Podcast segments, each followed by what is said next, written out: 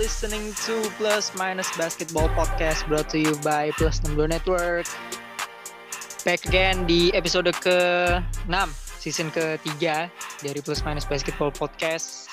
Jangan lupa untuk mendengarkan episode 5, bukan bintang biasa, di mana kita ngomongin tentang All-Star voting dan memberikan uh, voting kita, voting All-Star kita, ya starter dan reserve. Ada beberapa pemain yang masuk, ada beberapa pemain yang akhirnya tidak masuk di All-Star starter dan reserve, tapi kita akan bahas itu nanti.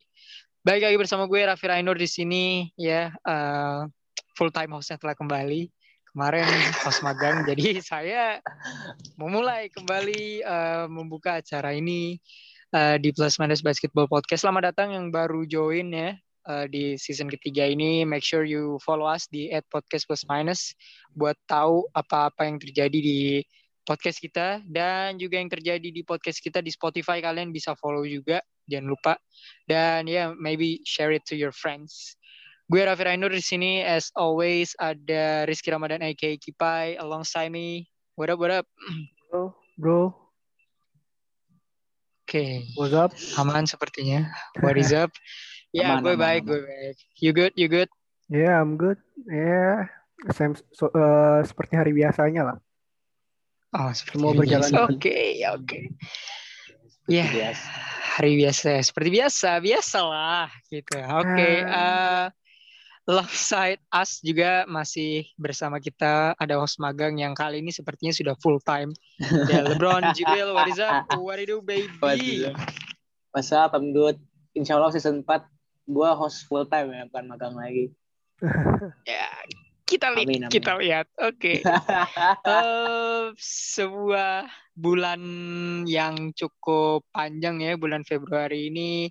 Banyak yang terjadi tapi ya you know mostly berita-berita tentang All Star sih kalau kita ngomongin NBA tapi kalau ngomongin di luar NBA sih banyak yang terjadi ya. Salah satunya kayak ada berita tentang Pau Gasol yang pindah ke Barcelona. Mungkin Lionel Messi membutuhkan apa ya? Oh, iya. Pemain yang bisa meng mengcomeback ya kan Barcelona ketinggalan nih 4-1 lawan PSG. Jadi mungkin ya uh, Messi nyari kiper baru buat eh. gantiin Ter Stegen. Tapi ya bahas bolanya back, mungkin bisa dia, di, di di di 90 plus. Tapi speaking of berita as always, tapi kali ini pembawa kayu bakarnya adalah Jibril. Bril, uh, what's around the world, man?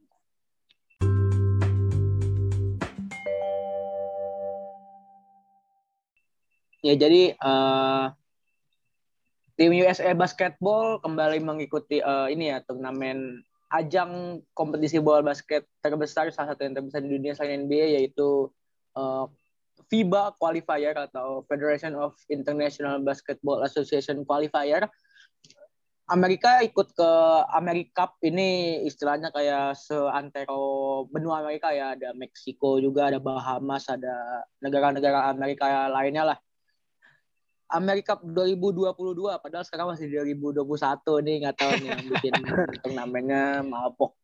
Merang ganja sih lo surprisingly ada ma mantan mantan pemain Boston Celtics mantan prime-nya Boston Celtics ada Isaiah Thomas yang bermain sebagai starting point guard di timnas USA dan juga uh, eh, MVP dari Big Three basketball. Jadi ini gue jelasin sedikit aja ya, cepat singkat aja ada di Amerika ada kontes namanya Big, Big Three Basketball. Big Three Basketball ini adalah kontes 3x3 basketball di Amerika yang diciptakan, ditemukan oleh maksudnya foundernya itu foundernya itu Ice Cube. Mungkin kayak udah tahu mungkin kayak Maki oh, pernah tahu Ice Cube. Ice Cube ini yang bikin Big Three Basketball kontes 3x3 se Amerika dan pemainnya itu mostly pemain uh, eh, NBA yang udah udah pensiun ada Drew Gooden, ada Nate Robinson Stephen Jackson juga main di situ. Dan Joe Johnson MVP Big 3 2020 ini 2019 oh, sorry ya sorry. MVP Big 3 2019 dia juga main di tim USA Basketball. Kalau nggak salah small forward atau tinggal gue lupa. Uh, menang ya kemarin lawan Bahamas ya? Yes betul. Mm-hmm. iya. Dan juga ternyata sebuah kejutan di tim salah satu salah satu negara yang ikut Amerika Cup ini juga namanya Puerto Rico ada dua pemain NBA tapi nggak tahu sekarang masih aktif apa enggak salah satunya adalah Jose Juan Barea. Ini salah satu JJ. pemain Ya. dari tim JJ Barea, salah satu teammates-nya Halelukanya Raynor ya. Jose Juan Barea dan dan ada Sebas Napier. Sebas Napier ini mencetak salah satu rekor Real Madrid mungkin kalau misalkan lu udah mau tahu ya. Sa- eh, accomplishment-nya Sebas Napier terbesar itu adalah menjadi teammate LeBron James. Itu ada pencapaian terbesarnya. Gua Sebas kira Napier. rekor apaan dong? Gue kira rekor apaan ternyata. Napier. itu Oke. fakta yang sangat mengejutkan sih. Napier. Iya. Jadi jadi ini tuh podcast kita tuh bukan ngebahas hal-hal yang yang mainstream gitu-gitu aja. Ini Here we go. lu lu lu nggak akan nemuin buat tuh yang dengerin podcast kita. Lu nggak akan nemuin fakta ini di podcast lain. Kenapa? Karena mereka stream biasa aja. Yang mereka cari itu duit bukan sensasi dari pendengar. Kita nyari sensasi pendengar. Gak pernah kan Oh. ada lu dengar dari podcast podcast dari Indonesia Sabas Napier adalah pemain dengan pencapaian terbesarnya adalah menjadi teammate LeBron James. Ya, dia menang ngomong. Ya jadi itu ya. Salah satunya ada Puerto Oke. Rico, salah satu negara Waduh. yang mau ikut Amerika Cup 2022 ini ada dua pemain NBA yaitu Sebas Napier sama Jose Juan Barea yang menurut gua eh, sebenarnya gua kaget ya karena gua pikir Sebas Napier itu dia orang asal Amerika asli ternyata dia main di Puerto Rico gua nggak Ya, ya, setuju. Lanjut ke news kedua. Eh, LeBron James finally berhasil men- bergabung bersama Karl Malone dan Kareem Kapten Kareem Abdul-Jabbar menjadi kelompok para pencetak 35.000 career points. Eh, ya, congratulations the King akhirnya eh, bergabung bersama KAJ dan juga Karl Malone di, di 35,000 career points club. Ya. Selamat untuk Yes. yang mulia. Saya bangga menjadi rakyat yang mulia, hamba bahagia. Hamba, hamba dong. Hamba gitu. Siap. iya. Oke, Ya oke. udah, udah, pokoknya udahlah.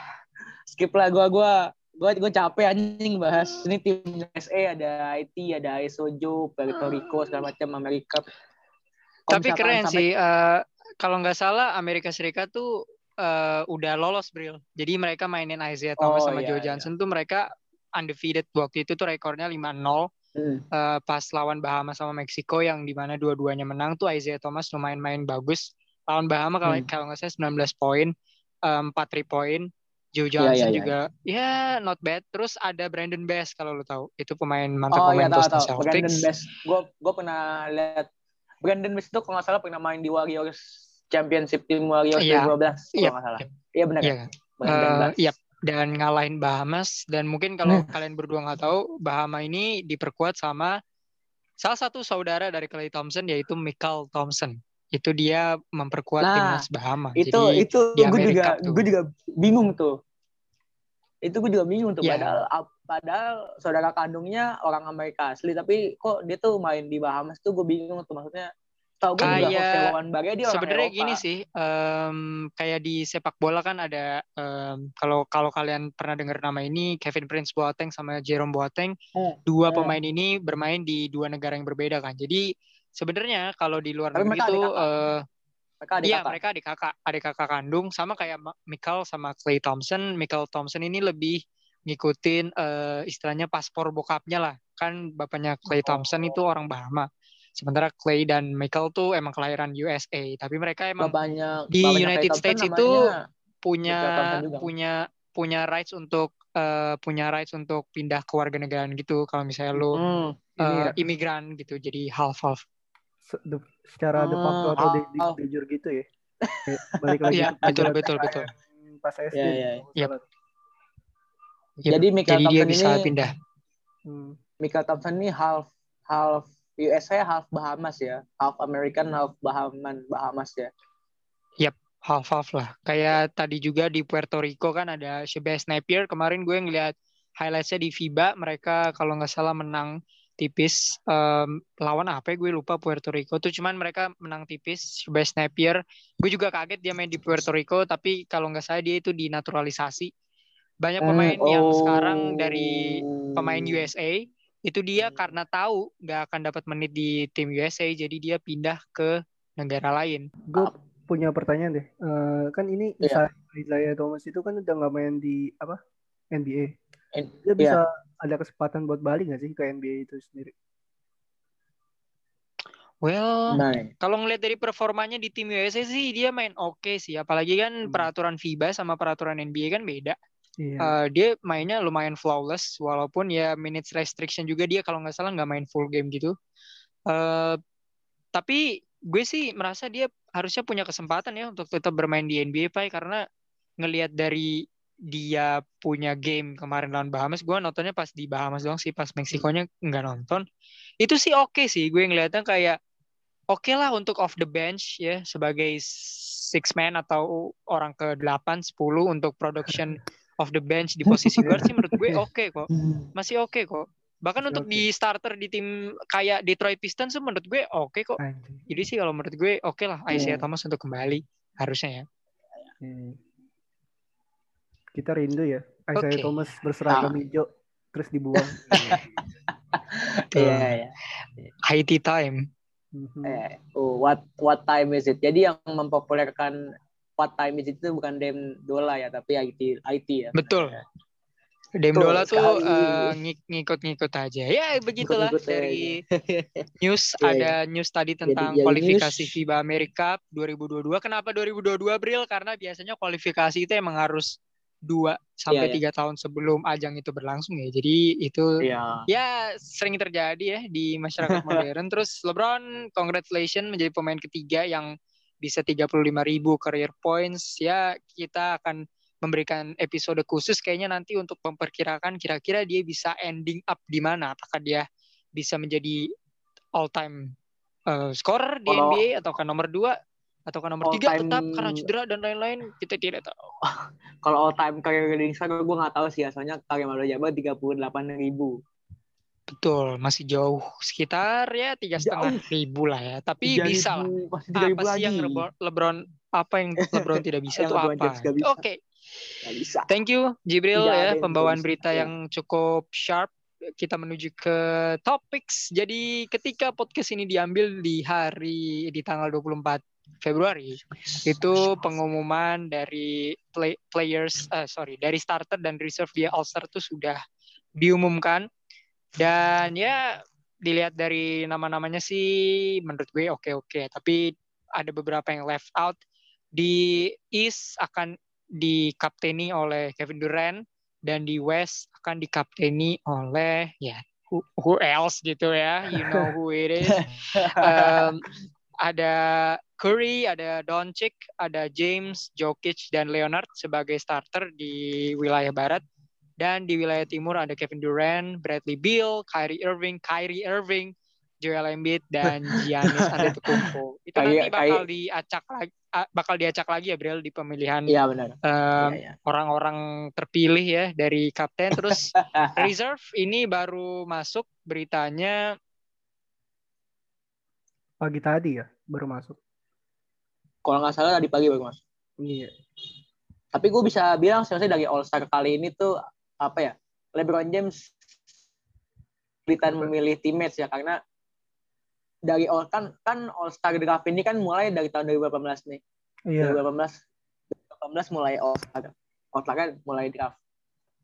Eh, kan 2018 2018 sama 19 kan Kevin Durant masuk All Star nih. Iya. Eh, tapi bukan jadi kapten kan. Ah, Kapten All Star game 2018 itu LeBron James sama Stephen Curry. Kalau 2019 itu LeBron James sama Giannis Antetokounmpo. Mhm. Nah, di dua All Star Oh. ini LeBron James itu selalu memilih Kevin Durant pertama kali.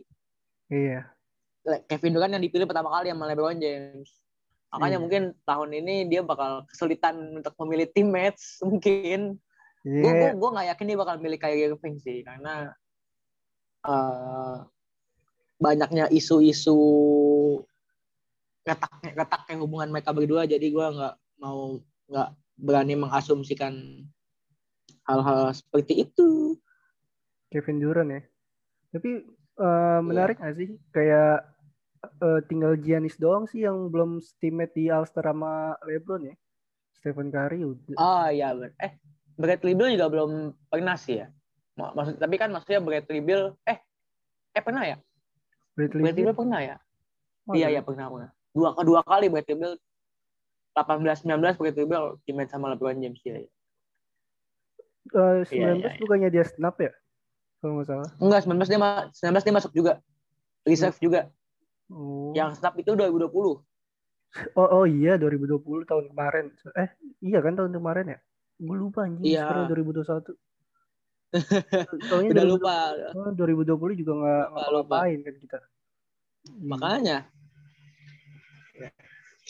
Eh, tapi kayak tapi emang iya sih maksudnya dari dari seluruh starter ini kayaknya cuma Giannis doang yang belum pernah sama sama Joel Embiid sih. Joel Embiid juga belum pernah teammate sama LeBron James ya.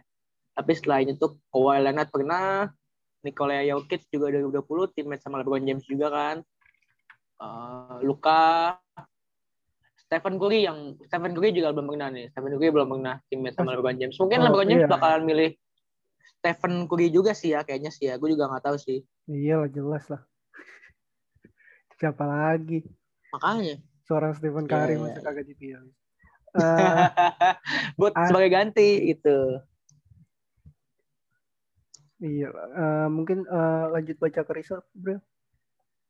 nah di Di reserve reserve ada siapa All aja? Star nah ini bakal sedikit eh, ini ya eh, kontroversial di Western Reserve ada Chris Paul Zion Williamson Donovan Mitchell Rudy Gobert eh, Anthony Davis wait gue lupa Anthony Davis Paul George, Rudy Gobert, Paul George sama Rudy Gobert, Damian Lillard, dan Damian. Lillard ya.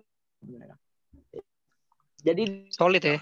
reserve Iya. ada ya di- cukup gue gue nggak permasalahkan masalah solid sih cuma yang gue pertanyakan ini eh nah sebelum gue lanjut gue bacain yang isi dulu ya. Iya. West boleh, ada. Zion ada Donovan Mitchell ada Rudy Gobert ada Pandemic P ada The Great Chris Paul ada Dame Dolla sama The Bro di Eastern ada James Harden Jason Tatum Jalen Brown Ben Simmons Zach Levine Nikola Vucevic dan Julius Randle Eh, ini bisa gue bilang uh, All Star kali ini tuh cukup apa ya mengecewakan lah. Oh, kenapa tuh? maksudnya, eh, karena di Eastern sendiri aja Ben Simmons yang hype-nya kurang, statsnya juga jelek. Maksud gue cuma cuma karena ketolong dengan tim lu first seed itu bukan bukan berarti lu bisa masuk All Star seenaknya aja gitu loh. Karena kalau misalkan Oke. dengan modal first seed lu, lu bisa masuk All Star harusnya All Star-nya itu isnya Eastern All Star itu Sixers semua Western All Star itu Jazz semua gitu loh tapi Ben Simmons masuk eh, ada yang bilang kalau misalkan Ben Simmons itu ketolong karena dia eh, Sixers itu first seed gitu kan. Dan Nikola Vucevic juga masuk All Star padahal Orlando Magic juga jatuh. Dia juga menurut gua Vucevic biasa aja sih. Setuju gak sih? Iya. Nikola Vucevic itu biasa aja. Um, I don't know ya, karena kan dia sempat masuk di Stars of the Week kita kemarin, uh, 43-16. Iya sih. Um, Hmm. Kalau ngomongin biasa aja jelas enggak, tapi he's one of the most underrated player. Tapi um, Mm-mm. kalau ngomongin Vucevic, gue lebih setuju kalau Domantas Sabonis yang sebenarnya masuk Nah, iya, jauh benar. karena karena faktor satu. Kalau gue nggak tahu ini sebenarnya All Star All Star pemilihan All Star ini based on apa eh, kriterianya? Hmm. Apakah hanya popularity? Karena kan di starter kan dipilihnya lah 50% fan vote, 50% pemain dan coach. Sementara di Iya. reserve itu adalah pure Iya. pilihan dari coach. Kenapa Ini- tuh, Pak? Gue udah baru ngakses situs NBA di sini ada tiga aspek sih. Pertama tuh dari fan ranking, kedua player ranking, ketiga media ranking. Gila, ada media ranking. Oke. ya. Gitu sih. Terus Nah, ini Jadi kalau reserve itu pure coach vote ya. Maksudnya pemilihan dari coach. Nggak nggak ada campur Iya dan tangan gue nggak ngerti kenapa ya? coach nggak ada sih. Kenapa coach itu milih eh Vucevic dibandingkan Domantas Sabonis Sabonis. gitu. Gue juga bingung. Tapi coba kita bedah dari West dulu kali ya. Eh, kalau starter Iya, ya kita kesampingin lah. Paling perdebatan besarnya adalah Damian Lillard sama Luka Doncic kan kemarin. Siapa yang Hmm. lebih deserve untuk berada di ini? Siapa ber- berada di starter? Sebenarnya menurut gue nggak penting lah. Toh ujung-ujungnya sama-sama All Star tapi kalau yang biasa debatnya ya All Star snap pasti di Iya. wilayah barat ada di guard dulu deh ya ada Chris Paul ada eh PG, ada you know Damian Lillard, ada Donovan Mitchell. Pai, eh Hmm. lu melihat adakah saat nah, I don't know karena Chris Paul adalah point guard favorit lu, tapi menurut lu deserve nggak sih Chris Paul ada di sini karena kan uh, static statistically speaking dia oke di Hmm. di bagian assist, tapi di bagian yang lain tidak. Impact Iya. mungkin iya, tapi menurut lu Chris Paul tuh deserve nggak untuk berada di All Star musim ini? Reserve sih. So- eh, kalau di reserve ya. So- soalnya kan dia juga ketua NBPA coy. Dia juga orang berpengaruh sih. Oh, Iya dengan sih. dengan dengan dengan modal Dengan, itu ya, uh, dengan modal itu dia bisa So- masuk iya. ya. Soalnya kan kembali lagi ke All Star Game itu sendiri kalau game ini tuh buat entertaining doang cuy. Yep. Jadi gue Iya, rasa iya, sih eh, statistik tuh apa aspek ketiga atau kedua sih setelah ini setelah status lah bla bla bla itu. Popularitas lah ya Iya. kira-kira. Mm-mm. Tapi kalau lu bisa kasih satu nama uh, boleh guard forward yang menurut lu snap di wilayah barat tuh siapa? Siapa ya? Demar Derozan The Murder, oke. Oke, oke. itu sih. Tapi udah- kalau kalau disuruh pilih sama Chris Paul gue masih milih Chris Paul sih. Tapi kalau diganti Benar, benar, benar. Iya. diganti yang lain tuh kayak si Buto Ijo mungkin gue baru terima sih. Siapa tuh? Siapa tuh? Sebut, sebut, Pak. Sebut, Pak. Itu Spill ya. dong. Sebut. Ya. Sebut, yang tahun kemarin baru main berapa game terus masuk, sekarang juga masuk lagi padahal udah jarang nongol, udah susah diakses. Iya, iya, iya. Oke. iya. Kaum ya Buat- buat sebagai yang- sebagai masyarakatnya dia tuh kita harus tidak terima lah Nah, iya. kita kita harus menegakkan keadilan di muka bumi ini sih. keadilan ini. Mana ada Zion masuk All Star? Gimana itu? Iya, iya, kalau iya, Bril, iya. kalau Bril banyak kan di West sebenarnya yang sebenarnya Iya, perdebatannya iya. banyak di East, tapi ngelihat di West nih nama-namanya sebenarnya rada unik-unik ya. Contohnya ada Utah Jazz dapat dua slot ya. Anthony Davis masuk ke dalam Hmm. All Star walaupun dia cedera, tapi menurut lo siapa yang snub really really hard tahun ini di wilayah barat? gue mau masukin nama Devin Booker. Uh, menurut gue dia benar-benar stop banget karena uh, kalau tadi ngomongin masalah Chris Paul dia uh, sebenarnya Suns, Suns itu juga deserve dua spot karena uh, tahun lalu mereka gagal maksudnya perkembangan Suns sejak ditinggal oleh Steve Nash itu benar-benar apa yang naik turun. Tapi semenjak Devin Booker mulai naik 2018, 2019, 2020 masuk All Star, 8-0 di bubble dan sekarang masuk uh, playoff picture. Peringkat 4 ngelewat, ngelewatin Dame Dola dan Portland Trail Blazers. Menurut gua harusnya Devin Booker bisa masuk All Star karena uh, Chris Paul sama Devin Booker itu benar-benar ngegendong ya ibaratnya kayak Stephen Curry sama Klay Thompson 2015-2016 gitu benar-benar ngegendong uh, Suns ini sampai ke atas gitu. Meskipun emang tiga tim di atas mereka itu emang tim-tim yang uh, levelnya di atas mereka ya. Bukan tim yang bisa mereka kalahkan dengan mudah emang level di mereka, tapi bisa sampai peringkat 4 aja menurut gue itu perkembangan yang luar biasa gitu. Setelah terakhir mereka 8-0 di bubble dan sekarang peringkat 4 harusnya Devin Booker bisa masuk All Star gitu. Uh, gue nggak tahu sih maksudnya ya benar gue juga setuju sama Ray. Uh, maksudnya apa sih alasan coach itu lebih milih? Makanya gue gua nggak gue kurang setuju sama Zion juga sama karena uh, uh, apa ya? Dia dia dia dia nggak dia cuma nge-hype gitu. Maksudnya nge-hype gitu gitu aja sih. Iya. gue juga ya gue bingung menurut gue Oke. Devin Booker sih di West. Heeh. Malah kalau soal dang tuh lebih hype dangnya siapa kemarin yang tim Timber apa first pick Timberwolf ketimbang Zion. Anthony Edwards. Iya, lebih lebih lebih hype Anthony dia. Edwards Walaupun timnya Tapi peringkat 15 if ya. if we speak bawah. about Pelicans ya, especially Zion Williamson, menurut gue sih um, ya dengan apa pun yang terjadi dengan dia musim ini, he's the best player yang New Orleans Pelicans punya musim ini dan menurut gue eh gue udah pernah bilang kalau nggak salah episode kemarin kan kita bawa Zion juga ya. Dia tuh musim lalu hype-nya gila-gilaan kan ya. Sampai kita bikin episode khusus khusus dia tuh berarti kita sayang kan. Musim ini Hmm.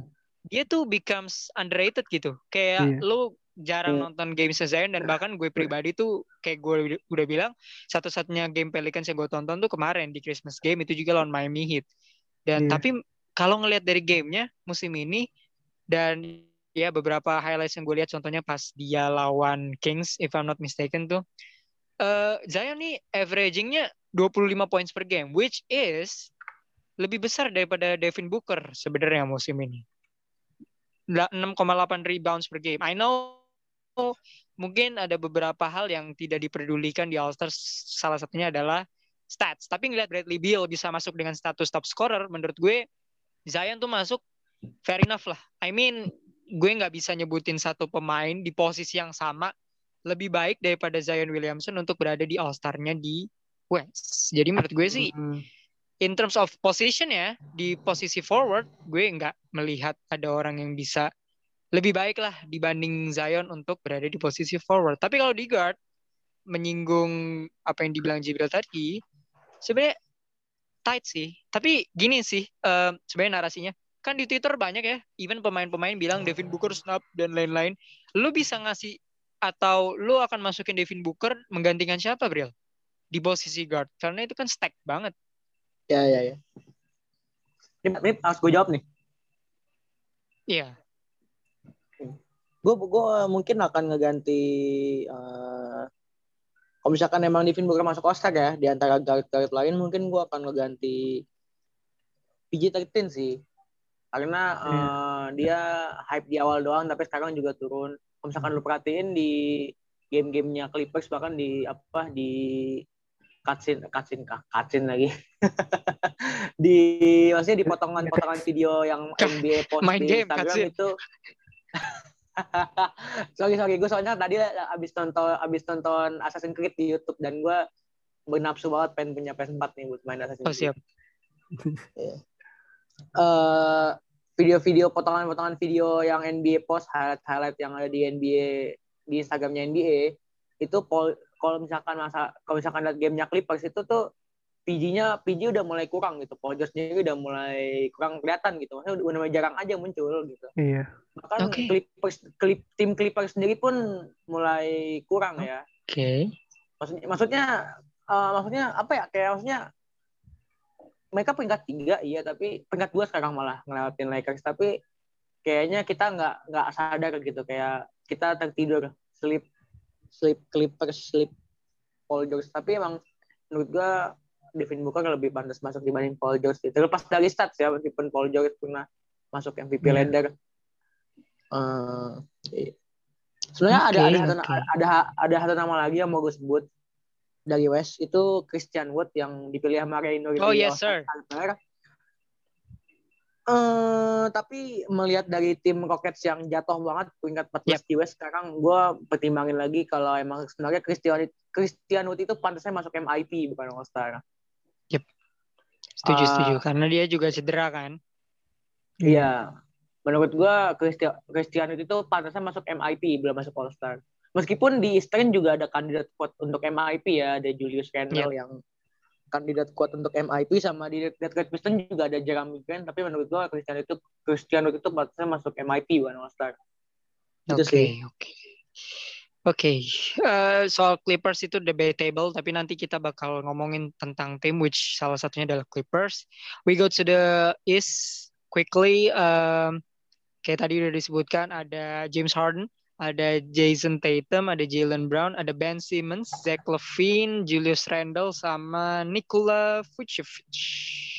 Bril, Iya, iya. who's this who is not biggest di wilayah timur I mean like there are so many players ya di wilayah timur Iya, iya, especially iya. di wilayah eh di bagian guard tapi menurut lu Hmm. who's uh, getting snap hardest Menurut gua Domantas Sabonis yang stuk.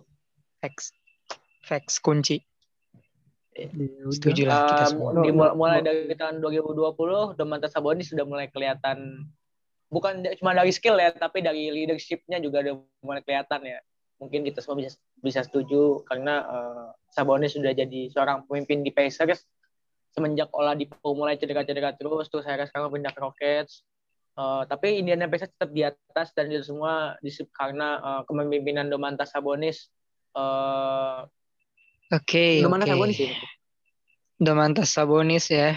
Eh lu Pai ada satu pemain lain kan mungkin ataukah emang lu juga setuju Domantas Sabonis adalah Udah, yang paling snap? udah sih itu emang no debat Domantas Sabonis. Walaupun ya Oke. sebenarnya nggak ada yang pantas, nggak ada yang snap, eh, nggak ada gimana ya?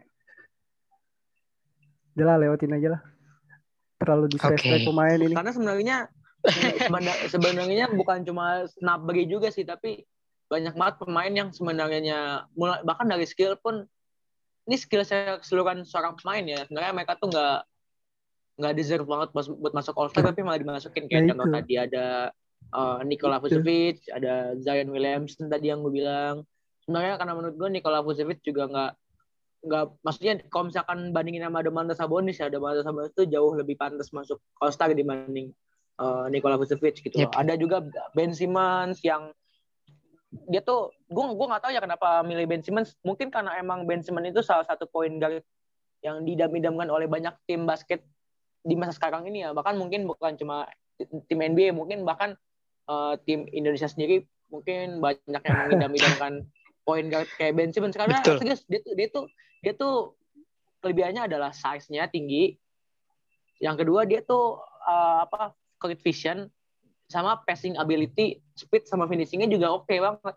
Tapi Iya. uh, meskipun dengan segala macam skill yang dia punya itu, dia tuh prime prime year-nya aja masa prime-nya dia cuma rookie season-nya doang. iya.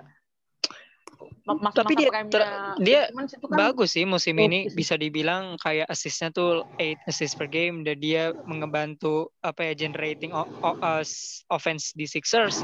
Tapi setuju karena kalau masalah popularitas nih ya, ini masalah popularitas kalau kita ngomongin eh sebenarnya karena Sixers itu punya dua pemain di di di East All Star, menurut gue itu sangat normal karena melihat Utah Jazz juga punya dua pemain di eh, di All Star. Tapi ya ini sebenarnya nggak apple to apple sih, tapi gue Hmm. lebih lean on kepada Trey Young sebenarnya. Kalau kita ngomongin purely iya. about statistik dan popularity harusnya Trey Young di atas Ben Simmons jauh karena kan dia lebih apa ya likable satu dan bisa Hmm. nembak three point dua yang Ben Simmons tidak bisa lakukan.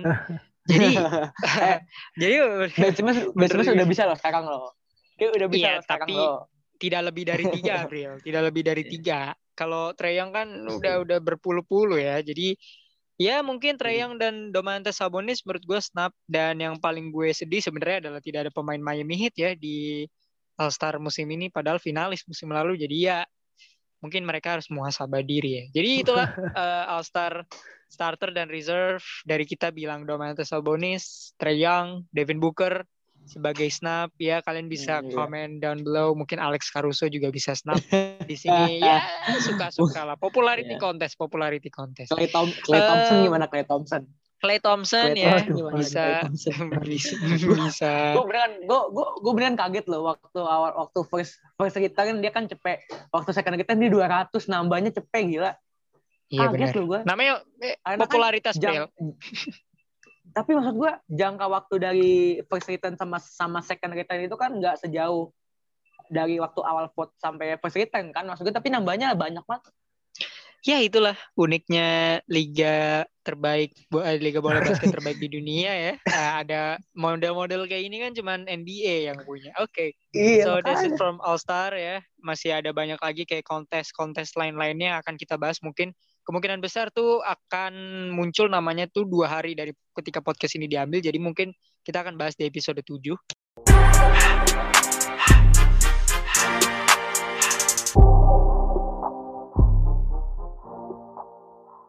Eh, speaking of NBA ya, kita akan sedikit ngomongin karena ini udah masuknya udah mid season ya. Udah hampir 35 game akan dimainkan dari 72 game yang tersedia. Jadi udah udah ya let's let's um, um, kita kita anggap udah setengah musim lah ya.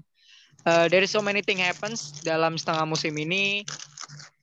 Ada pemain, ada tim yang surprising, ada tim dan pemain yang disappointing. Kita mulai mungkin dari pemain dulu kali ya. Uh, surprise and disappoint.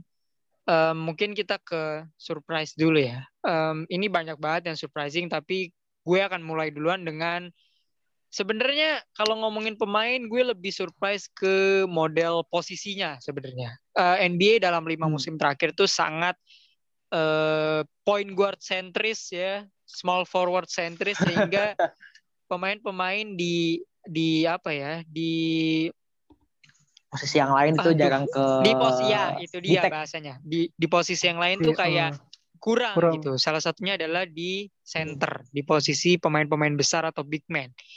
Kita bisa lihat lah dibandingkan era-era terdahulu big man sekarang tuh permainannya berubah. Bisa dibilang big man mainnya malah kayak guard, kayak forward zaman sekarang. Tapi mungkin narasi itu bisa berubah musim ini.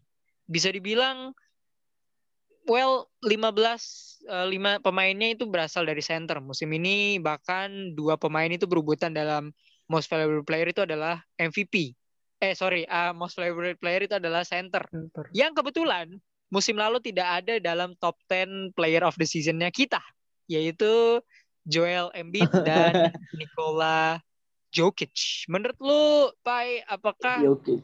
title race ini bisa apa ya mengindikasikan kembalinya role big man karena terakhir kali big man dapat MVP atau kita bilang center yaitu Shaquille O'Neal tahun 2000. Shaq- Menurut lo Shaquille Joel. Embiid atau Nikola 2000. Jokic ini punya strong case nggak untuk menang most valuable player?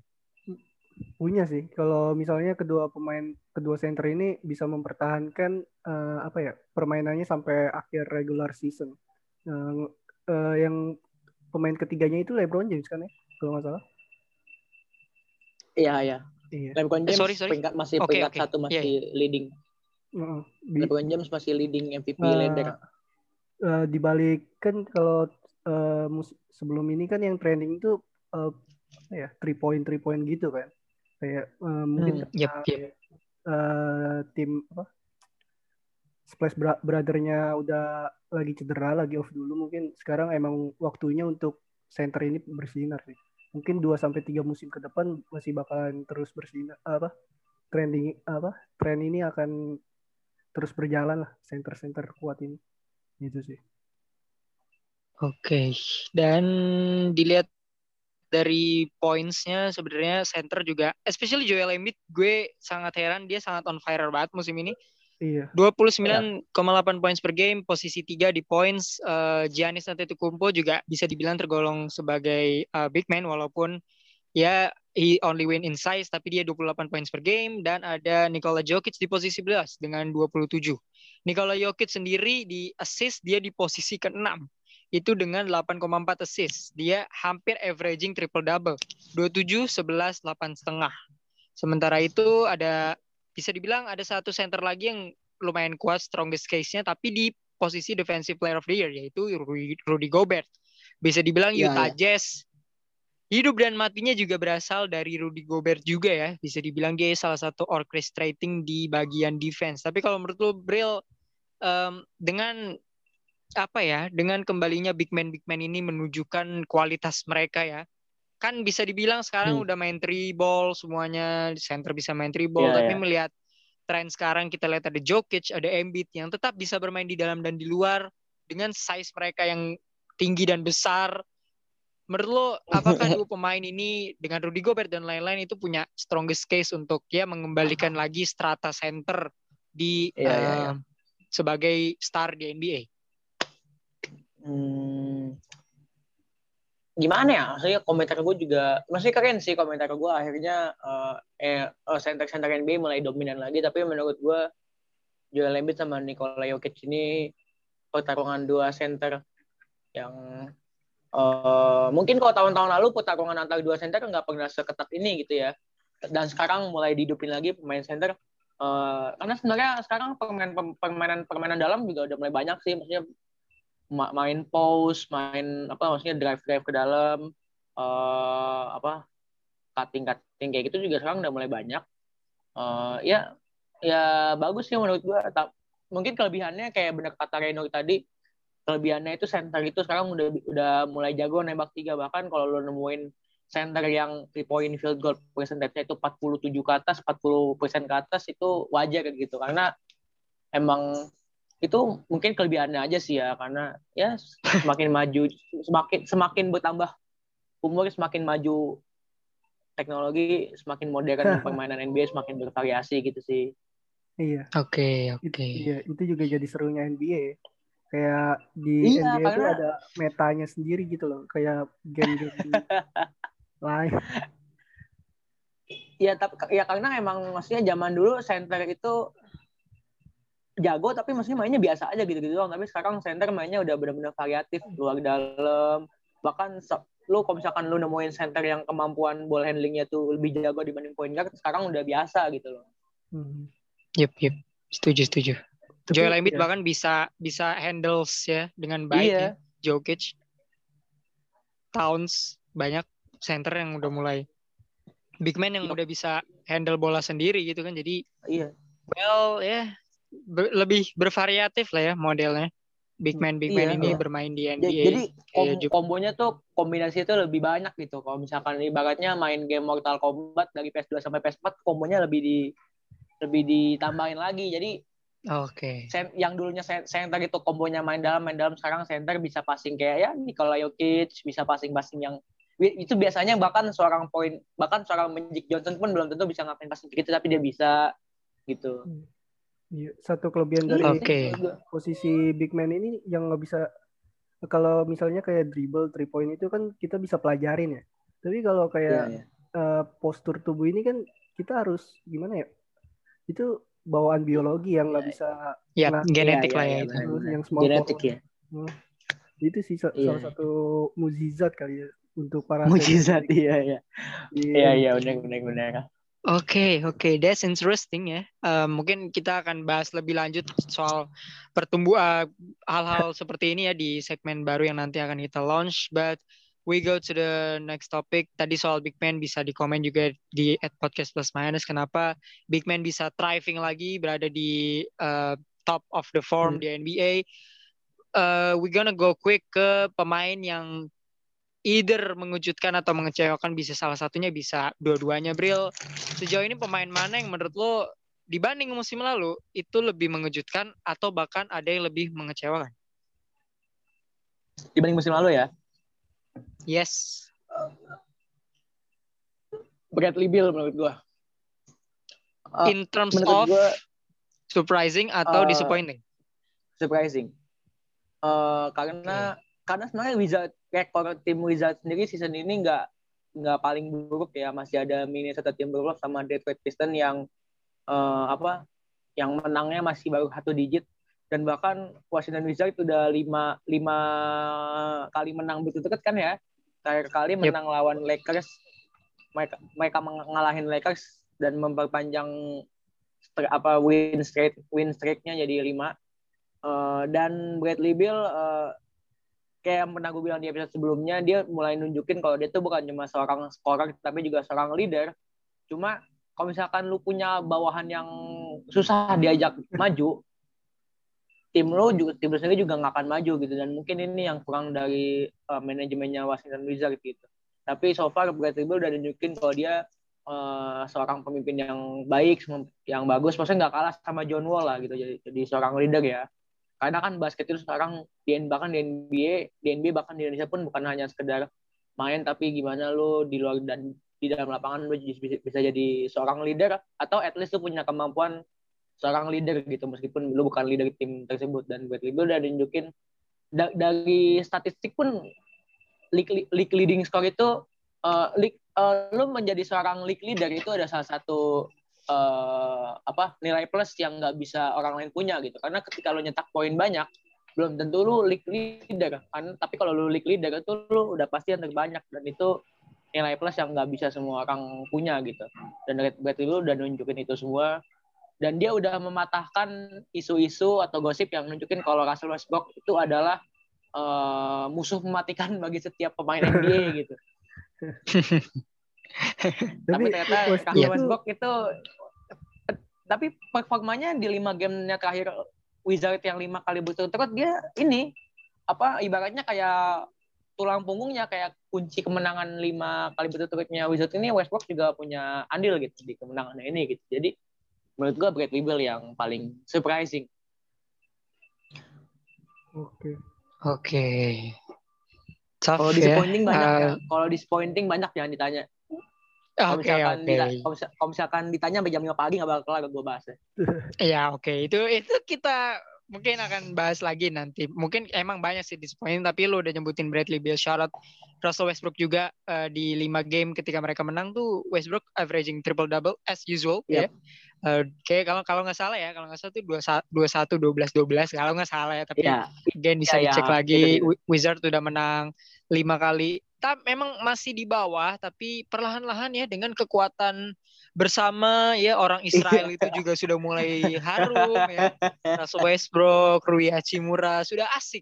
Wi- Wizard nih udah mulai asik nih kayaknya. Jadi ya ya shout out for them ya. Mudah-mudahan mereka bisa tembus lah di playoffs atau minimal ya bisa eh, contending lah. Udah udah bisa bermain sebagai dark horse lah. Eh, Hmm. Bradley Beal kalau dari Jibril sebagai Hmm. league leading scorer kalau menurut lu Pai eh, bisa pemain siapa aja mungkin mengecewakan atau surprising? Go shoot. mungkin we go with surprising ya. Gue bakalan milih dari tim yang eh, apa? Maybe next year itu New York Knicks yaitu siapa namanya? Julius Julius Randle. Julius Randle. Dia punya Oke. 23 Julius Randle. Iya, iya, siap. Dia Siapa? Siapa ya? 10,9 RPG dan RPG-nya 5,5. Eh, dia dia bisa ngebawa tim New York Knicks ke posisi 7 sih sekarang gitu. Iya, iya benar-benar. Setuju. mana, eh, bia- apa tempatnya kan biasanya tuh di 10 ke bawah nggak pernah nggak pernah satu digit ini sekarang dia di posisi 7 men playoff Iya, playoff iya, iya, contender ya. benar-benar. Playoff contender. Iya. Jadi juga sekarang masuk All Star sih gitu.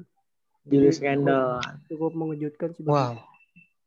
Gitu. Ya, setuju, setuju, Ini, setuju. tapi- itu tapi dalam emang in terms Julius of Randle- mengejutkan emang Julius Randle. Iya, emang Julius Randle tuh benar-benar ngejutin banget sih ya. Kita bisa setuju ya karena Iya. kaget gitu di dianya dianya naik, timnya juga naik gitu. Mungkin gua akan sedikit nyesel masukin dia New York Knicks di maybe next year karena sekarang jadi playoff contender. Mungkin playoff lock kita tapi kita nggak tahu ya ke depannya Hancur, gimana. Kalau playoff lock gua rasa ketinggian sih New York Knicks. Iya sih, kita jangan New York tuh jangan dikasih tinggi, Bril. Soalnya suka Oke. suka Iya, gitu iya, dia. iya, iya. Kasih aja yang ekspektasinya tuh yang yang New York Knicks lah gitu. Jangan tinggi-tinggi gitu. Iya, iya. Yang New Iya, York iya, Knicks iya, aja gitu. jangan Ekspektasi. tinggi jangan tinggi-tinggi kasih New York Knicks. Nah, eh, tadi lu sorry, Pai, lu Iya, iya. boleh mention lagi nggak soal statsnya Julius Randle? with uh, 23,3 poin per game, 10,9 men rebound per game, Double double. assist per Yap. gamenya 5,5 double double. Iya, Wow. gila. Solid stat sih, jujur aja solid iya. stat. Waktu itu kalau nggak salah dia sempat ini ya, Bril, sempat dalam tanda kutip ngamuk ya 40 poin sekian. Jadi Iya, iya, iya. gue gue gue setuju sih kalau soal kalau soal surprising tuh emang Julius Randle ya kayak siapa yang expect ya I mean Jibril naruh Knicks di maybe next year kan. I mean we, we siapa yang expect mereka akan lolos di playoffs gitu right? Jadi ya syarat untuk Julius Randle dan dia deserve menurut gue untuk berada di All Star walaupun mungkin Iya, tidak iya. ada dari kita yang memvoting dia tapi he deserve it all the way Eh, Iya, mungkin I'm gonna go quick sebelum ke tim. Gue lebih ke mengecewakan. Ada satu pemain yang ekspektasi gue lumayan gede ke dia. Kristaps Porzingis. Eh, I don't know Hmm. what to say karena we expect a lot untuk Mavericks musim ini. Iya. bisa dibilang I'm not blaming Luka Doncic dalam ya performa Mavericks karena Kristaps Porzingis harusnya berada sebagai second star walaupun di beberapa game dia wangi banget ya ada di game dia bisa double double 30 plus 17 rebound. Tapi dia tuh kayak apa ya? Eh bahasanya gue lupa tapi dia tuh kayak eh apa ya? Shooting selectionnya ya defense-nya. Kristaps Porzingis kan tujuh kaki ya? Tapi Iya, iya. lu lihat dari reboundnya itu nggak ada double digit. Gue itu yang Hmm. gue heran dari seorang Kristaps Porzingis. Eh, oke dia stretch four dan lain-lain dia lebih Dia- ke shooting ya modelnya dia- tapi untuk dia- seorang Dia disebut seven foot stretch mah forward juga Oh. nggak pantas sih karena dia dia disebut stretch forward tuh nggak pantas disebut stretch forward juga sih karena dia buka- bukan forward yang cukup berotot juga sih. Maksudnya badannya kan kurus gitu kayak Kevin Durant juga. Yep, yep. dan dia apa specialty dia kan three pointer ya. Maksud gua ya itu sih. Yep. setuju sih sama Rainer ya itulah susahnya. Defense-nya dia juga um, so-so ya dia banyak miss game juga jadi gue harusnya expect banyak dari Kristaps musim ini. Tapi Mavericks sekarang ada di posisi Ya, ya. 9 battling sama Warriors di playoffs. Harusnya mereka tidak di situ sesuai prediksi kita. Tapi again ya mudah-mudahan sih Mavericks bisa dapat second star yang bisa membantu Doncic lah ya Amin. untuk untuk untuk ini untuk contending di playoffs. Uh, we go to the Siapa nih? Uh, surprising and disappointing ya. Dari lu Bril, surprising or disappointing teams di musim ini itu siapa? gue tadi pengen ngomong New York Knicks, coba disebut sama Kipai duluan nih. Gue sebutin aja. Iya, iya, betul. gue tadi pengen nyebut New York Knicks, makanya, tapi udah disebut sama Kipai duluan. Gue nyebut uh, Toronto Raptors aja sih ya. Karena Oke. uh, seperti yang kita tahu, Raptors itu memulai uh, gue sebenarnya agak sedikit kasihan sama Kyle Lowry karena semen- semenjak peninggalan Ya, para Mario pemain Rosen. Iya. yang iya mas iya semenjak jadi semenjak DeMar DeRozan pindah tuh Lowry tuh mulai banyak ditimpa masalah gitu setelah juara Kawhi pindah dan Green pindah Da- dan sekarang Mark Gasol Ibaka pindah sekarang dia harus ber- dia harus berakhir dengan pandemik di cabang timur Cabang Timur. pemain asal UK yang nggak bagus iya bener pandemik di cabang timur yang menang MIP itu sudah nggak kelihatan menang MIP All Star starter menang MIP juara NBA menang MIP All Star starter itu sudah nggak kelihatan ke mana lagi dia wujudnya nggak ada senternya juga jelek gitu tapi eh shout out buat Raptors bisa sek- sekarang peringkat 6 ya di atas New York Knicks gue yap, yap, gue yap. merasa sedikit lebih gue gue merasa sedikit lebih hebat daripada Kipai karena na- nama tim yang gue sebutin lebih tinggi dibanding nama tim yang sebutin Kipai peringkatnya. Toronto Oke. Raptors peringkat 6 Ya, eh, boleh lah.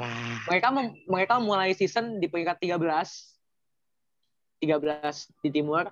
Da- dan eh, sebenarnya gue juga nggak nyangka ya mereka bakal naik sejauh ini sampai peringkat 6 gitu loh. Dan gue gue juga nggak nyangka mereka bakal naik sebenarnya karena menurut gue mereka bakal stuck di 10 ke bawah. Tapi ternyata mereka sekarang bisa masuk playoff picture. Dan eh, ini sebenarnya sesuai sama eh, prediksi gue prediksi gue waktu kita tapping apa ya, episode episode satu ya. Rockets bakal eh, yep. Raptors bakalan masuk playoff meskipun eh, ternyata ternyata bahkan peringkat 6 gitu lebih tinggi daripada prediksi gue gitu ya Raptors sih tim gue tim yang Oke. gua Toronto. Raptors ya kalau dari Jibril. kalau apa kalau depressing gimana gue nggak mau nyebut disappointing karena mengecewakan itu mah biasa tim yang nggak masuk playoff pun Iya bisa, sih. bisa disebut tim yang tim yang masuk playoff pun bisa disebut mengecewakan gitu kayak Warriors itu bisa disebut Yep. mengecewakan karena nggak ada Yep, yep, yep. gue gue lebih suka nyebutnya sebagai depressing karena depresi buang aja dah ada Aduh, Timberwolves sulit banget ya. Ba-. Bahasanya depressing tuh kayak untuk fans yang dengar tuh kayak aduh timku seperti Miami Heat gitu depressing di bawah. kalau Tapi kalau oke. Miami kalau Uh, Miami Heat disappointing kalau Miami Heat disappointing oke tapi kalau kayak sama Oke. Pistons yang yang menangnya baru satu digit itu udah depressing banget tuh suruh pindah ke Jilik aja. Tapi kalau lu Pai, any teams you wanna add maybe? Eh, ini apa tadi surprising ya? Mungkin gue bakalan mention si Surprising nomor, atau disappoint boleh? ya, eh, mention si nomor satu dari West sih, Utah Jazz. Facts. Iya, itu men 25 win, 6 kalah men. Bahkan duo duo LA aja lose-nya 10, beda 4 game sih itu. iya iya benar-benar Suatu hal yang apa ya? Kita kita sleep on Utah Jazz tapi dia banget, gila sih. banget, banget. benar-benar dengan rosternya yang apa ya? Apa ya? Kayak Boston Celtic Celtic cabang barat sih ini Utah Jazz. Bahkan kalau Celtic Iya, itu iya, masih, iya. masih Model-model gitu ya? Oh, Celtic itu kan masih ada punya apa namanya? Punya piala ya. Utah Jazz pialanya berapa sih? Ya ampun tapi nggak pernah No, juara ya Utah Jazz nggak pernah, Utah Jazz nggak pernah juara gila ya. Pernah ke final tapi belum pernah juara. Sayang ya. Iya. Dan eh, Oke, oke. gitu sih. Kalau disappointing sama Setuju, kayak setuju. April mungkin banyak juga sih. kalau Oh, disappointing depressing. banyak kalau depressing cuma dua doang Bay. Apa tuh? Apaan tuh? Di- kalau misalkan disappointing banyak tadi kan disappointing bahkan mungkin. Maverick juga disappointing. Kalau depressing tuh ada dua tim tuh yang baru menang satu, menangnya baru satu digit doang tuh. Iya, Pencapaian bawah. Menang. tuh. Kayak bener Menang kok itu satu digit. aja. menang satu menang Iya, satu menang digit satu gitu. digit. Ah, apa maunya? Aduh. Salah. Oke, eh, gue juga meluruskan di posisi surprising ya. Kita harus ya mungkin entah kalau misalnya rekornya mereka terus bagus mungkin gue akan buat episode khusus di mana kita membedah Utah Jazz tapi speaking of Utah Jazz uh, ada suatu momen di mana mereka melajunya tuh 19-1 dalam 20 game tuh mereka cuma kalah satu kali Iya. which for me 21 udah nambah. yes dan dan itu gilanya gitu 21 men 20 menang satu kali menang sementara ada tim lain yang menangnya 26. single digit gitu. Like come on man. Dan kita semua menaruh Utah Jazz memang di playoffs tapi tidak setinggi ini. Kita tahu kemampuan mereka tuh kita tahu banget. Donovan Mitchell Iya, we know we know with how he works gitu. Rudy Gobert dengan kemampuan defense-nya ya bahkan bisa ngeblok satu NBA musim lalu. Mike Conley um, Bogdanovic dengan addition dari Bogdanovic, Joe Ingles ya, Derek Favors yang kembali lagi di Utah Jazz sampai Royce O'Neal. Tapi kita tidak akan menyangka Utah Jazz bisa sebagus ini gitu. Kayak kata Kipai tadi, mungkin mereka adalah di East mereka seperti Boston Celtics mungkin ya. Bisa dibilang 11 12. Jadi. Iya, iya, iya. uh, mad props untuk Coba uh, maaf Utah gue potong Jazz. kayak Maaf gue potong gue ngakak waktu, waktu bilang gue di Gobert ngeblok seluruh NBA Sumpah gue ngakak that's that's the facts man. That's the facts man. Tapi ngomongin uh, Utah Jazz ini sedikit ya pas 20 game stretch-nya ini gue bacain statistik sedikit. Eh 6 pemain mereka mencetak 2 digit points per game. Ada Donovan Mitchell Hmm. sebagai top scorer. Ada Bogdan Bogdanovic di posisi ketiga. Bo- Mike Conley di Bojan. posisi keempat Bojan. dengan 16 poin. Bojan, sorry, Bogdan itu Bogi ya. Eh, Mike Conley 16 points per game, Bogdanovic 17,2, Rudy Gobert double-double 14 points per game, 13 rebounds per game, 3 blocks per game. Itu kenapa gue bilang dia ngeblok Wow. satu NBA. Joe Ingles 12 setengah points per game, 53 field goal percentage, 50 three point per, ah gila sih 50 three point percentage loh. Dan satu lagi pemain yang menurut gue Jordan Clarkson bisa dibilang ya. Yap, surprising. Jordan Clarkson dia dalam 20 gamenya Ut- Utah Jazz dia mencetak 19,3 points per game. Itu artinya Jordan Clarkson adalah top scorer kedua. Dan semua dilakukan dia dari dalam bangku cadangan. bench Jadi menurut gue Yep. no debat six man Jordan strong Clarkson six adalah man six man of ya the year. Not Strong the man strong but the ya. strongest man. The The strongest, man. oh iya Jordan benar. the strongest man. Jordan Clarkson gue nggak bisa ngelihat ada sih satu pemain dari statistik gue nggak ngelihat pemain ini tapi secara statistik he's good adalah Chris Boucher gue nggak tahu cara pronounce Oh. namanya ya dia dari Toronto Boucher Raptors benar benar itu benar kok Boucher ya Boucher ya bener ya Boucher Boucher dia double digit rebounds per gamenya tapi ngomongin production Jordan Clarkson seharusnya yang bisa dibilang eligible untuk memenangkan Iya, iya. Six Man of the Year ya. Kayak tadi gue bilang 19,3 points per game. Dia bahkan mencetak 40 points per game ya in some point. Yap, Ya, benar-benar. ini emang mantan-mantannya Kendall Jenner nih emang gila-gila sih musim ini ya. Jadi mantannya Iya, Kendall Matt Jenner. Jordan Clarkson Devin Booker Ben Simmons bagus-bagus semua mainnya ya dioper-oper Iya. nih Kendall Jenner di iya di dioper-oper. Tapi ya oke. Back again to Utah Jazz ya, Matt Props ya. Shout out untuk Utah Jazz iya iya yang bisa berada di posisi kayak kata Kipai tadi. Itu defisitnya tuh beda 4 game, men. iya itu tuh benar. gila sih menurut gue. Untuk untuk tim seperti Utah Jazz, defisit game defisit game antara dia dengan duo LA itu bisa 4 game plus, man. Itu keren sih. Keren Hmm. abis, keren abis. So ya, yeah, Habis. solid solid Beres. play dari Eh kalau kalian lihat by the way gamenya Utah Jazz ya atau highlightsnya, mereka tuh passingnya man gila banget, passingnya mereka, mereka tuh mulai ngikutin Spurs-nya Duncan tahun 2012 tuh Facts. passingnya oke banget Betul. Facts. Betul, passingnya oke banget. Kemarin pas lawan Miami itu eh, yang diobok-obok mereka pakai jersey warna orange if I'm not mistaken. iya iya Gue iya, ngeliat iya. ah gila sih. Konak banget ngeliatnya sih. Keren Konak. banget sih mereka. Keren, keren banget sih. Ngacak. Keren banget sih. Ngacak. Keren banget sih mereka. Keren, keren banget sih Utah Jazz to be honest. Gue nggak mau jumping into bandwagon ya, tapi itu keren. Mereka keren musim ini gue akui. Iya, iya. So, um, what else ya? Mungkin ya Iya. Nanti- segitu aja ya. Mungkin um, N- Nanti kita bakal bikin ini juga ya. eh, kayak ada comparison antara Utah Jazz sama Atlanta Hawks tahun 2015. Sama juga Oke. Utah Jazz. Utah Jazz itu no tidak Utah Jazz sekarang kan nggak punya nggak punya superstar player ya. Nggak punya superstar Yep. gitu kan kayak Hmm. benar-benar super pemain gitu. Atlanta Hawks 2015 juga nggak punya superstar tapi mereka peringkat satu. Cuma Atlanta Hawks 2015 mereka di sweep sama LeBron James di playoff. Gue nggak tahu nih kalau kita aja sekarang gimana. Bisa jadi ada coincidence Bril, ada keterkaitan di situ ya. Iya, Bisa, kita bisa jadi. bisa, bisa. Soalnya komposisinya Bisa. ngelihatnya kayak oke gitu nggak sih, kayak sama gitu ya 11 12. Hmm. Ya bisa lah. Kurang lebih, kurang lebih. Ini Mirip, kayak ngeliat tim-tim kayak gini tuh kasihan ya. Ada tim yang bagus tapi sekalinya playoffs tuh selalunya ketemunya dia gitu. Kenapa? Iya. Terus Kenapa gitu? Kasihan gitu. Kadang kadang-kadang kasihan gitu ngeliat tim-tim kayak gini. Tapi syarat juga untuk jangan lupa ya. Quinn Snyder sebagai pelatih nih yang Ayo. namanya Snyder nih lagi bagus nih. Tahun ini ada Zack Snyder yang sutradara Justice League ya. Ada Quinn Snyder yang Sio sutradara mereka- Utah Jazz. mungkin mereka ada kakak Sionya lagi bagus gue, tahun ini. CEO-nya. gue harus lihat sih. Sio Quinn Lu- Snyder tuh apa ya? Apakah banteng? Karena kalau ngeliat Sio sekarang kan Ox ya, Year of Ox. Iya, iya. Chicago Bulls Year juga nggak bagus-bagus amat gitu. Ya tapi ya kita lihat ya. Quinn Snyder. Nah, oke mungkin episode selanjutnya kita harus reset.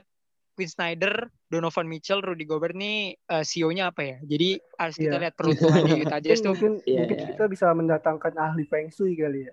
Iya. bisa, Bisa, Bisa. boleh. harusnya Boleh, bisa. boleh. Coba kita lihat nanti Iya. di episode 7 siapa yang akan Iya, datang iya, iya. sebagai Feng Shui. Oke. Wi. So uh, that's all from today's topic ya tentang tim-tim ini. Di episode mendatang kita akan lebih deep untuk ngelihat peta kekuatan tim menuju playoff. Sebenarnya bisa dibahas uh, sekarang tapi seperti kata Jibril mungkin akan selesai subuh atau mungkin besok subuh. We go to the Playoff. Stats of the week ya. Stats of the week hari ini tuh tidak ada pemain Utah Jazz karena ya pemain Utah Jazz tuh tidak suka Ini tidak suka 50 poin, 60 poin mereka Iya, tidak benar. suka. Mereka sukanya tuh menang. Mereka Tidak suka mereka- mereka Iya, benar, 50 benar. enam- nggak mereka tuh komunisme itu sih di NBA sih. Membagi rata poin-poin. Iya benar Iya. benar benar. Dibagi rata semua ya. Iya, Komunis. iya, iya. maksud. Oke, Komunis, eh, di bisa, Stats bisa, of the bisa, Week bisa. di wilayah timur kita udah singgung pemain ini ada Joel Embiid dari Philadelphia 76ers front runner di MVP. Kalau lu nggak naruh Joel Embiid di top 3 MVP lu, lu harus keluar dari status lu sebagai Resign, fans resign. NBA ya. Lu Resign, harus resign resign. Lu harus resign. Resign. Joel Embiid dalam Resign. game melawan eh gue lupa nih lawan game. Lawan ini, Eh, lawan Bulls Bulls. lawan oh Chicago Bulls ya bener gue. Oke, si eh ini deh namanya. Oh.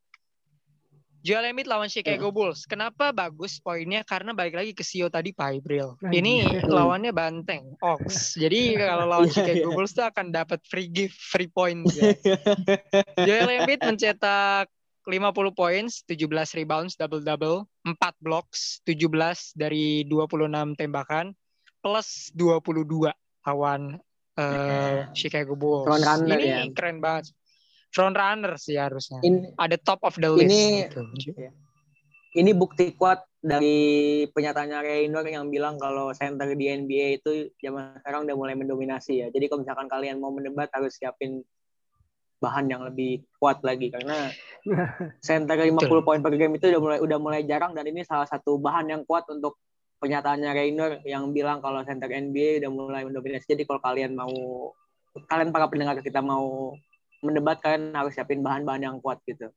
Betul. Betul. Eye test aja, eye test. Oke. Eh, lanjut di wilayah barat. Di wilayah timur ada Adi Adi- Embiid. Di wilayah barat ada gue mau masukin Jokic tapi di game yang sama Jamal Murray. Yeay. Tepuk tangan dulu teman-teman. Dia sudah kembali menjadi Bubble Murray yang sempat Bubble tertidur Murray. nyenyak ya selama di season ini. Is- ya istirahat bisa dibilang istirahat. kalau bahasanya Kipai itu dia bukan seperti TJ Warren ya. He's not the two weeks Spotify Iya, and shits, you know. Jamal Murray Iya, mencetak iya, iya. 50 points juga. Dibantu dengan 6 rebounds dan ini yang paling penting 12 tembakan dari 15. Jadi dia cuma miss 3. 8 3 point dari 10, cuman miss 2. Dan plus tak, 2 tunggu, tunggu. Tunggu, tunggu bentar. Ini 12 per 15, jadi dia tuh emang field goal-nya cuma 12 doang ya? Iya, 8, Betul. 16, 24. 24 tambah 24. Ah udahlah, Bril. bisa lah 48. dihitung. Pokoknya bisa dah. 50 dah pokoknya. Tapi uniknya gini, Bril. Perhitungannya Iya, memang nggak, aneh. unik unik uniknya Uniknya tapi gini, dia tuh perhitungannya memang aneh. Dia tidak mencetak free throw di game ini. iya benar. Dan ini tuh apa? Dia Wow. dia me- dia melewati Karim Abdul Jabbar dengan total points terbanyak cetak dalam satu game tanpa free throw. Betul. Ada nih gue gua gue baru dapat nih tadi pagi nih postingannya nih diposting sama cross and poster. Promosi dikit yang apa ya. Karim, Ya, awalnya nggak Karim apa-apa. Abdul Free, free. awalnya Karim Abdul Jabbar 25 Januari 1973 ngelawan Houston Rockets 48 poin tanpa free throw. Kemudian Jamal Murray berhasil melewati rekornya Karim Abdul Jabbar 50 poin tanpa free throw lawan Cleveland. Itu awal mula kehancuran Cleveland ya.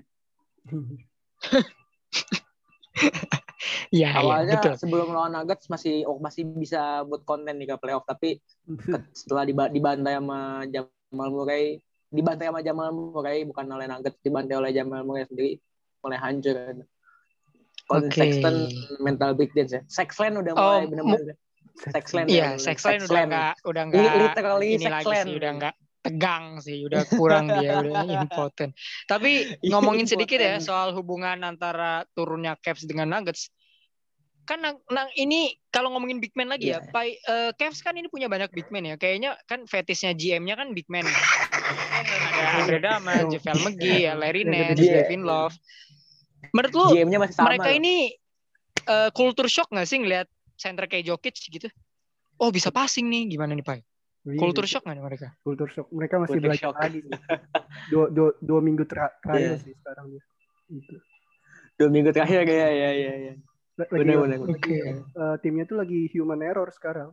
Ntar Oke, oke. dua minggu lagi kita Se- ya masuk playoff. faktor pentingnya mungkin karena banyak pemain yang baru maksudnya pemainnya Cleveland tuh banyak yang cedera sih kayak Larry Nance juga cedera-cedera banget cedera mulu kan Larry Nance cedera Andre Drummond juga nggak main gitu starting line-up-nya aja Colin Sexton, Darius Garland, Sadie Osman, Tarian Pin sama Jared Allen gitu. Saya lu mau berharap apa sama starting line-up kayak gini gitu. Mereka mereka lagi Bahkan im- lagi popularitas sama New York Knicks. Iya ya kalah kalah popularitas. Bahkan in in some point starting lineup mereka itu Damian Dotson, Isaac Okoro, Sadie Osman, Tarian Prince, Jared Allen. Lo mau berharap apa Itu siapa? Siapa? kayak gini? Siapa Dodson tuh siapa? Dotson tuh gak ada yang tahu kan kan. Dodson siapa Kan kita Dodson juga baru tuh? dengar itu Damian Dotson gitu. Do- gue juga baru dengar Dodson tuh siapa tapi ya, Yaudah, ya, ya, ya lu, lu begitulah bener- baru, mungkin baru dengar. Baru, baru gue Gue gue tahu gue tahu dia dari New York Knicks waktu itu gue pernah lihat namanya. Oke. Gue gue kan gue gue tuh kan punya hobi ngeliatin apa list list current NBA roster gitu lah namanya gitu. Gue punya Oke. hobi ngeliatin gitu kan dan gue nemu nama ya. Dotson di New York Knicks gitu. Fetis apa? Oh. Gimana? Lu kalau ngeliat nama-nama aneh kayak Mindaugas Kuzminskas itu lu Oh, kayak oh, oh, gitu ya tegang gitu Kayak ya. Ya Nama-nama pemain aneh itu lu tegang ya.